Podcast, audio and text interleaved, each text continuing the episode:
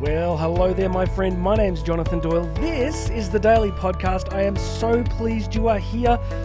I'm just imagining you standing in front of me, and we're going to get some stuff done today. We're going to give you a simple idea that's really going to help you move. This is a conversation between you and me where I share with you my hopes, my, my knowledge, my desire that you grow, that you flourish, that you improve. This is why I'm here. This is what I love to do. I love seeing people grow and I want to see you grow. Today's message is entitled Why Problems Are Your Friend. Let me say this to you the biggest problem you can have is to think that you shouldn't have any problems. I have spent plenty of time in my life having my own private pity party. You ever had a pity party where it's just like your whole physiology collapses, you're slumped, you're breathing shallow, you're like, oh gosh, no one understands what I'm going through. No one knows how. You know, you know that time you've had that, right? We've all been there. We've all had times when life is challenging, when life is difficult. I think we can look around the world at some of the economic stuff that's happening at the moment, and life really looks like it's going to have its challenges for a while. But here is the point I want to take I want you to take away from this short message today. Problems are your friends. Problems are gifts. You have to absolutely change your relationship with the difficulties in your life. Now, don't go looking for any difficulties. I don't want you hearing this going, well, Jonathan, are you saying that uh, you know problems are here to help us? Should we go and get more problems? No, trust me, problems will turn up on their own. It's like they've got their own Uber account. They will turn up in their own sweet time. They will turn up frequently. They're, you're not going to have to go looking for them, friends. You live long enough, you keep breathing, problems are coming your way.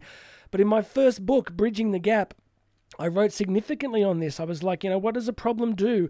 It forces you to either quit or to change and adapt and grow. You know, think of anything significant in your life, like, you know, that you've had to work through, that you've had that's been challenging or painful or difficult. It's it's challenged you, it's caused you to either grow, change and develop or to quit and give up and to become maybe cynical or withdrawn or to be full of blame. So I want you to think about the single biggest problem in your life at the moment. And this has to be something that you can control. There are some things that happen that can happen health wise or relationship wise that there's only so much we can do. But we want to focus on what's within our control. Where is the gift in your current problem? Where is the thing that can lead you to growth and lead you to change?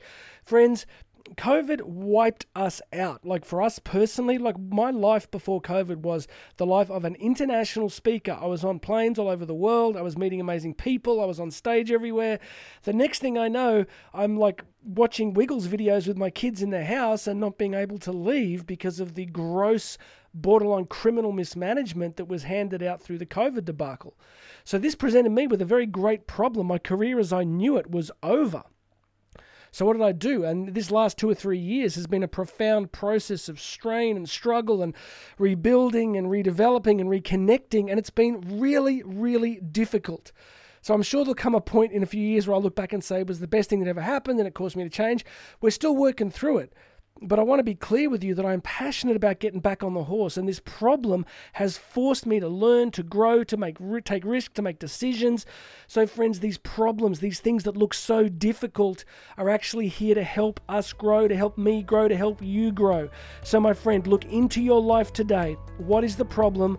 Where is the invitation? Where is the gift? Where is God calling you to grow? Where is the invitation to change? It is there. It is there. It is there. Do not quit. Do not give up up. Do not say, well, I just can't. Yes, you can. Look into the problem. There will be a solution. Right. Go and subscribe to the podcast. Go and check out the links. You can book me to speak live. My name's Jonathan Doyle. This has been the Daily Podcast. You and I are going to talk again tomorrow.